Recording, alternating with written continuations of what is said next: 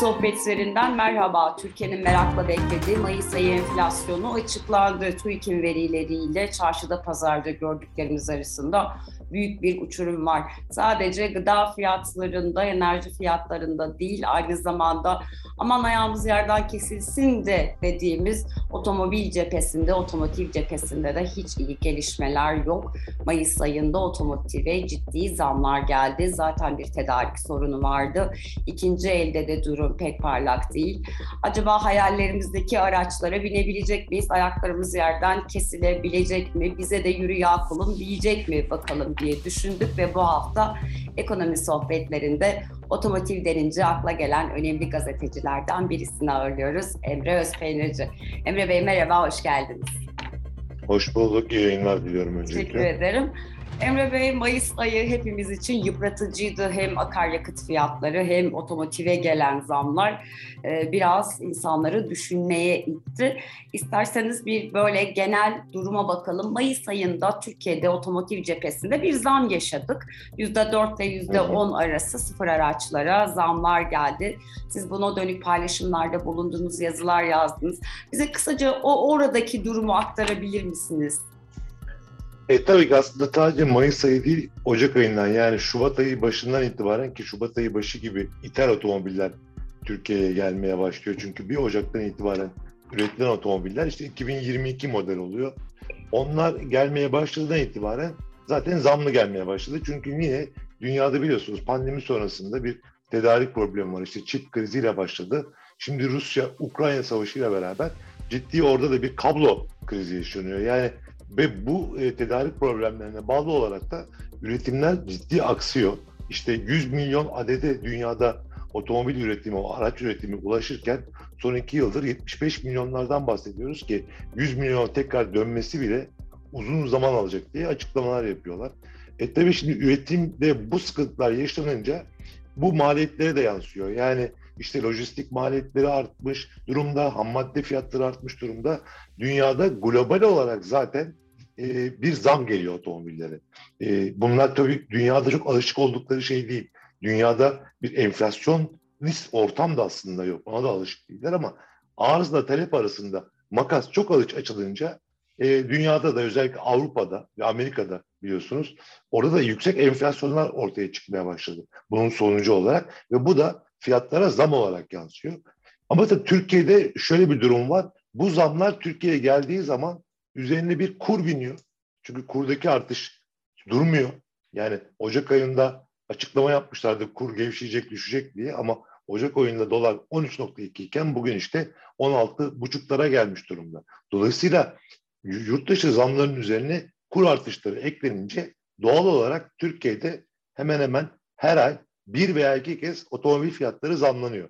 Bir de bizde yüksek vergiler var biliyorsunuz. Dünyanın en yüksek vergileri Evet Türkiye'de. ben de onu soracaktım. Ocak'ta evet. bir ÖTV matrah düzenlemesi yapıldı. Siz de bahsettiniz gerçekten çok yüksek vergiler. Ama sanıyorum hani şu anda o işlevsiz kaldı değil mi yeniden? Evet, evet. E kaldı çünkü o zaman da kalacağını söyledik. O zaman diyoruz ki işte o zaman e, Ocak ayında güncelleme yapılmayıp düzenleme yapıldığı zaman da biz bu argümanı söylemiştik. Bu birkaç ay içinde vasfını kaybedecek. Yani işte işlevsiz olacak demiştik. Çok inanmamışlardı. Çünkü o dönem hükümet otomotiv sektörüne şu açıklamayı yapmıştı. Dolar gevşeyecek, dolar düşecek. O yüzden de güncelleme yapmaya gerek yok açıklamasını yapmıştı. Otomotiv sektörü güncelleme isteyince. Ama geldiğimiz noktada işte yüzde 60-70'lik vergi dilimleri eklendi. Bugün ne yazık ki e, satılan her yüz otomobilin yüzde 75'i yüzde 80'lik dilimde. Yani yüzde 60'lık dilimde otomobil kalmadı. Yüzde 45-50'de zaten yoktu. Yüzde 70'lik dilimde de yüzde 14 civarında bir otomobil var. Yani o da önümüzdeki ay falan kalmayacak gibi gözüküyor. Dün de ben onu yazdım. Yani her otomobil Türkiye'de yüzde 80'lik ÖTV'yi tadacak. Yüzde 80 ÖTV üzerine KDV eklendiği zaman yüzde 110'u buluyor. Yani siz, siz bir otomobil kendinize aldığınız zaman bir otomobilden fazlasını devlete alıyorsunuz. Bu bir de yüzde on otomobil parasını veriyoruz değil mi devlete? Yani Aynen öyle. otomobille de kurtaramıyoruz artık.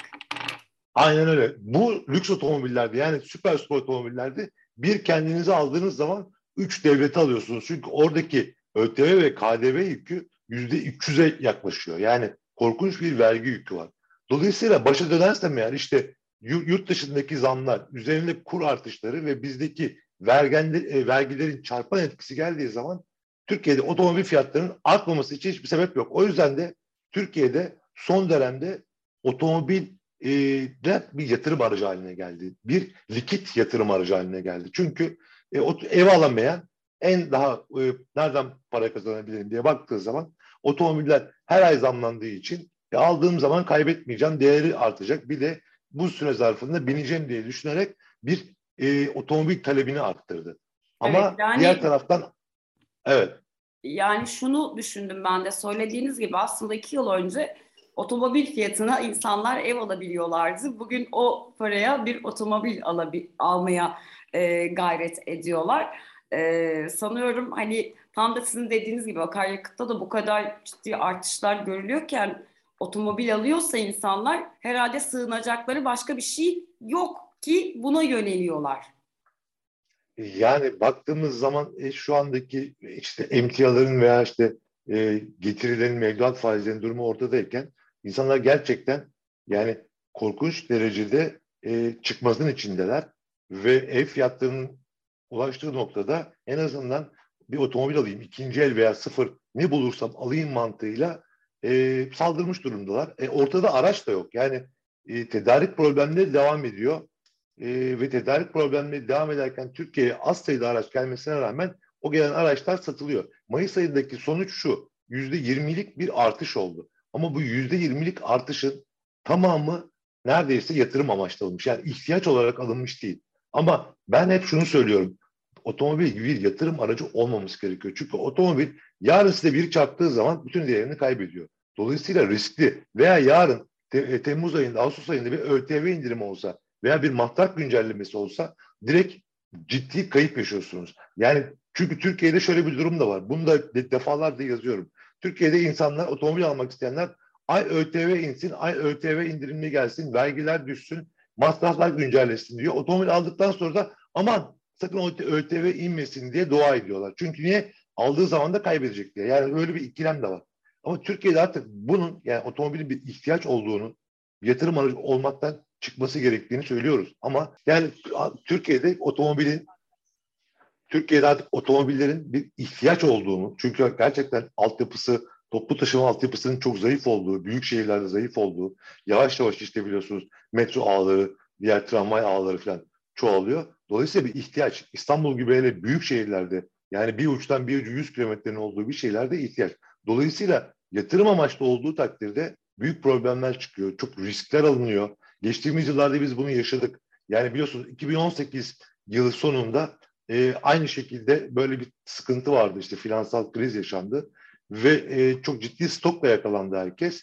ÖTV indirimi oldu ve ÖTV indirimle beraber o stoklar 2020 2019'un ilk 6 ay sonuna kadar satılamadı. Yani ciddi zararlar edildi, ciddi iflaslar oldu, kiralama şirketlerinde kapanmalar oldu. Yani dolayısıyla yatırım ama e, aracı değildir otomobil ama konjöktör bunu gösteriyor. Çünkü gayrimenkul çok pahalandığı için insanlar gücü otomobile yetiyor ve gücü yeten de işte geçen gün bir genel müdür açıklama yaptı. Üçüncü, dördüncü otomobili alan insanlar var. Ama bu bahsettiğim kısım nüfusun ne yazık ki yüzde beşlik kısmının içinde. Yani yüzde doksan beşinde artık sıfır otomobil alma şansı yok ne yazık ki. Evet. Tam da buradan devam edelim isterseniz Emre Bey. E, keza Erol Bey de Erol Şahin de özellikle bu ikinci el piyasasındaki durumu sık sık paylaşıyor. Sizin de söylediğiniz gibi ihtiyacı olan insanlar bu yatırım aracına dönüşmesi, tedarikteki sorunlar, ÖTV yüzünden e, birinci el yani sıfır araca yanaşamayacak durumdalar. Bu noktada yönlerini ikinci el pazarına çeviriyorlar ama daha önce sizinle yapmış olduğumuz sohbetlerde de konuşmuştuk. Burada da bizi 10 yaş üstü araçlar, o işte sokaklarda insanlar bahsediyor. 1990'larda benim çocukluğumdan hatırladığım modeldeki araçların Ankara sokaklarında ben yeniden türediğini görüyorum. E, bu, bu bize ne söylüyor? Ne olacak bu durum ki siz güvenlik açısından da sık sık bu konuda uyarılarda bulunuyorsunuz aslında? Ya Türkiye'de ne yazık ki yani e, bir şekilde nüfusun büyük bir kısmının ki bu hakikaten %95'in üzerine çıkmış gibi gözük görüyorum ben. E, otomobil yeni otomobil alma hakkı elinden alınmış durumda. Otomobil Hı. almak zorunda kalanlar, almak ihtiyacı olanlar gerçekten alım gücü düştüğü için e, Erol'un da söylediği gibi aynen 10 yaş üzerindeki otomobillere ancak gücü yetiyor. Ama burada da çarpıcı bir rakam var. Geçtiğimiz yılda kıyasladığımız zaman 10 yaş üzerindeki ikinci el otomobil satışlarının oranı geçtiğimiz yıl %50-51'ler civarındaydı. Bu yılın ilk 5 ayında %60'ın üzerinde hatta %65'e ulaşmış durumda. Yani 100 ikinci el otomobil satılan 100 ikinci el otomobilin 65'i 10 yaş üzerinde. Daha vahimi 40'ı 20 yaş üzerinde. Yani insanların alım gücü 20 yaş üzerine anca yetiyor. Çünkü oradaki otomobil fiyatları bile dediğiniz gibi işte yani üretimi 22-23 yıl önce bitmiş otomobillerin fiyatları bile bugün 100 bin TL bandında, 100 bin TL'nin üzerinde. Dolayısıyla insanların elinden otomobil alma hakkı Türkiye'de ne yazık ki e, alınmış durumda.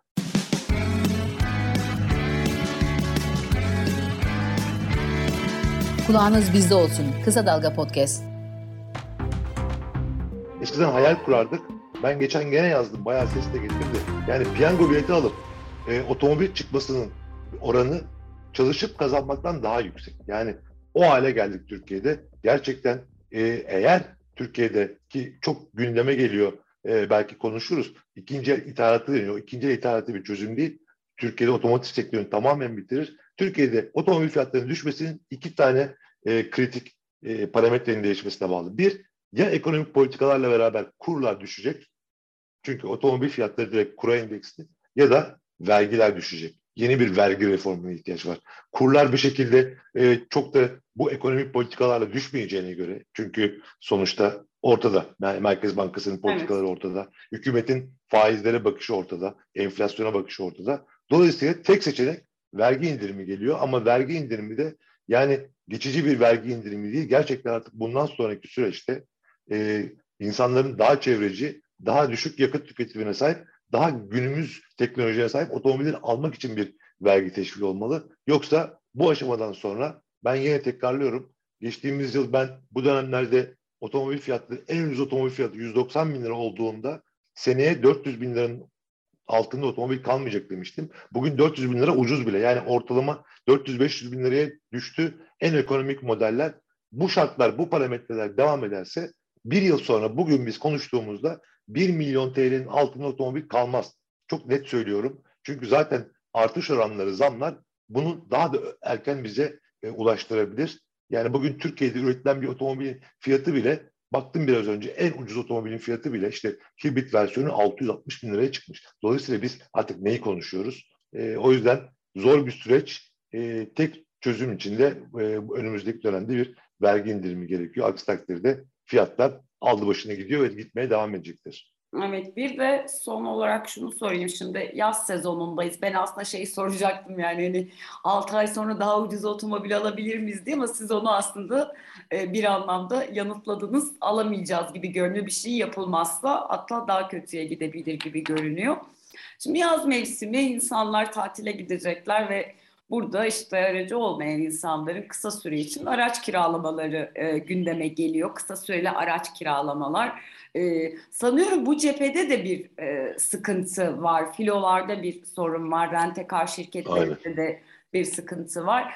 Ee, bu burada ne oluyor? Yani yazın araba bulunamayacak mı acaba? Valla bulunamayacak. Çok zor bulunacak. E, turizm turizm diyoruz. Turizm gelirini şöyle arttırmaktan bahsediyoruz. Ama e, turizm e, kiralama şirketleri yeni araç bulamıyor. Çünkü sonuçta en başta söyledim. Araç tedariğinde problemler var e, gelen araçlarda öncelikli olarak perakendeye satılıyor karlı bir şekilde. Biliyorsunuz kiralama şirketlerinde biraz daha iskontolu satılır ama şu anda iskonto yapılmasa bile araç yok. Yani araç öncelikli olarak kiralama şirketlerine vermiyorlar. E, 2018 yılında kadar kiralama şirketleri Türkiye'de çok ciddi şekilde büyüdü. Toplam satışlardan büyük pay alıyordu ama 2018 yılında işte gene Euro'nun devalüasyonuyla beraber, ekonomik krizle beraber o dönem hatırlarsınız çok ciddi e, sıkıntılar yaşadılar ve birçok e, kiralama şirketi de ne yazık ki iflas etti veya iflas aşamasına geldi. E, o zamanlar 400 bine yakın bir kiralık araç parkı vardı.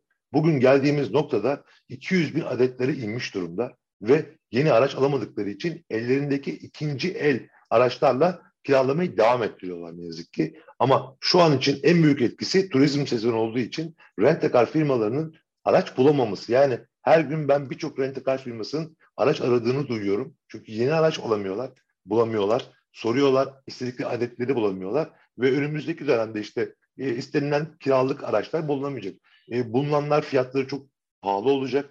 E, bir de sonuçta e, 3-4 yaşındaki eski araçlar kiralanabilecek. Yani öyle yeni gıcır e, araçları kiralama şansı çok da kalmayacak gözüküyor. Bunların hepsi birbirini tetikliyor. İşte ikinci el e, fiyatların artması, ikinci eldeki işte arzın artmaması hep bu kiralama şirketlerinden araç dönmemesinde de alakalı. Yani her şey birbirinin içine girmiş durumda.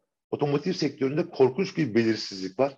Yani bir hafta sonra ne olacağını kimse bilemiyor. Daha önce e, 6 aylık, bir yıllık planlar yapılan, e, fizibilite çalışmaları yapılan sektör ne yazık ki bir hafta sonrasının planını yapamıyor. Çünkü yurt dışından bir e, cevap alamıyorlar. Ne kadar araç aldıklarını bilmiyorlar. Eskiden araç satmak e, yöneticiler tarafından çok araç satan başarılı olurdu. Şimdi çok araç bulan başarılı olduğu noktaya geldik. E, zor bir süreç ama şu da bir gerçek. Otomotiv sektörü tedarik problemleri olduğu için şu anda gelen her araç satılıyor gözüküyor. O yüzden bu tarihin en büyük krizinin çok da farkında değil. Araç bolluğu olduğu zaman Türkiye'de ve dünyada o zaman bakalım e, böyle rahat araç satılabilecek mi? E, böyle rahat stok yönetimi yapılabilecek mi? Ben açıkçası önümüzdeki döneme ilişkin büyük tehlike sinyalleri şimdiden almaya başladım.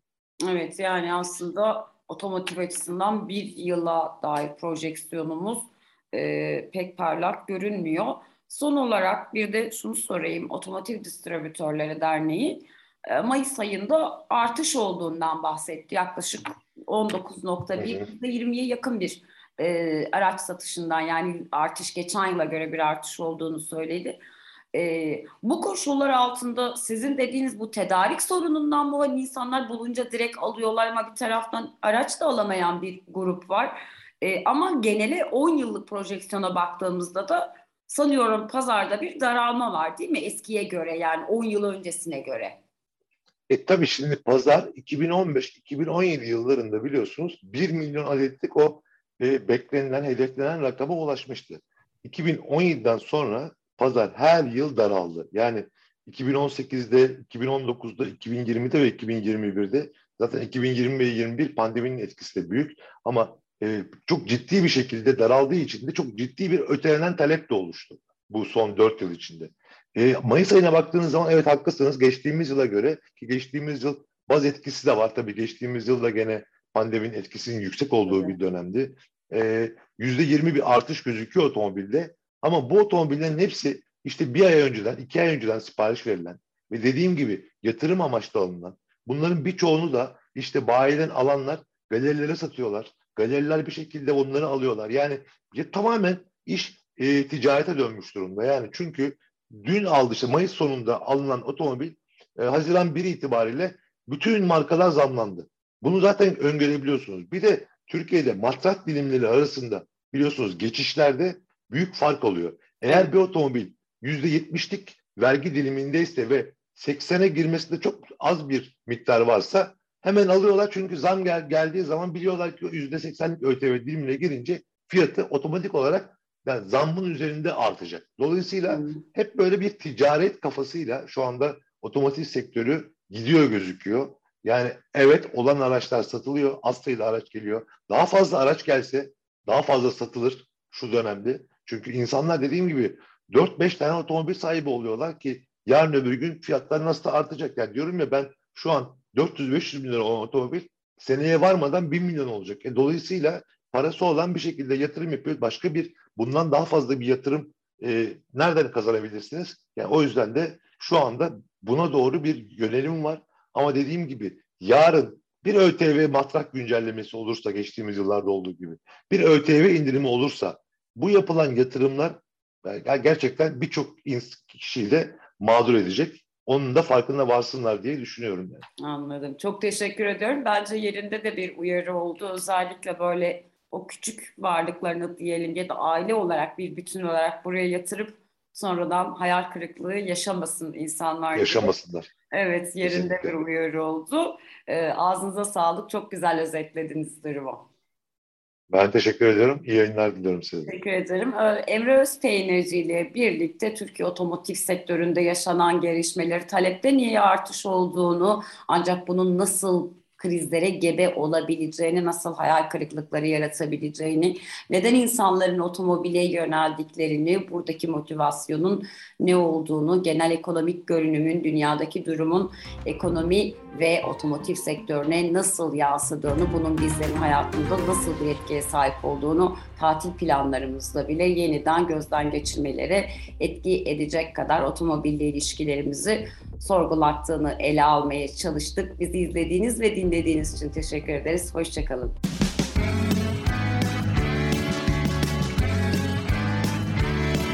Kulağınız bizde olsun. Kısa Dalga Podcast.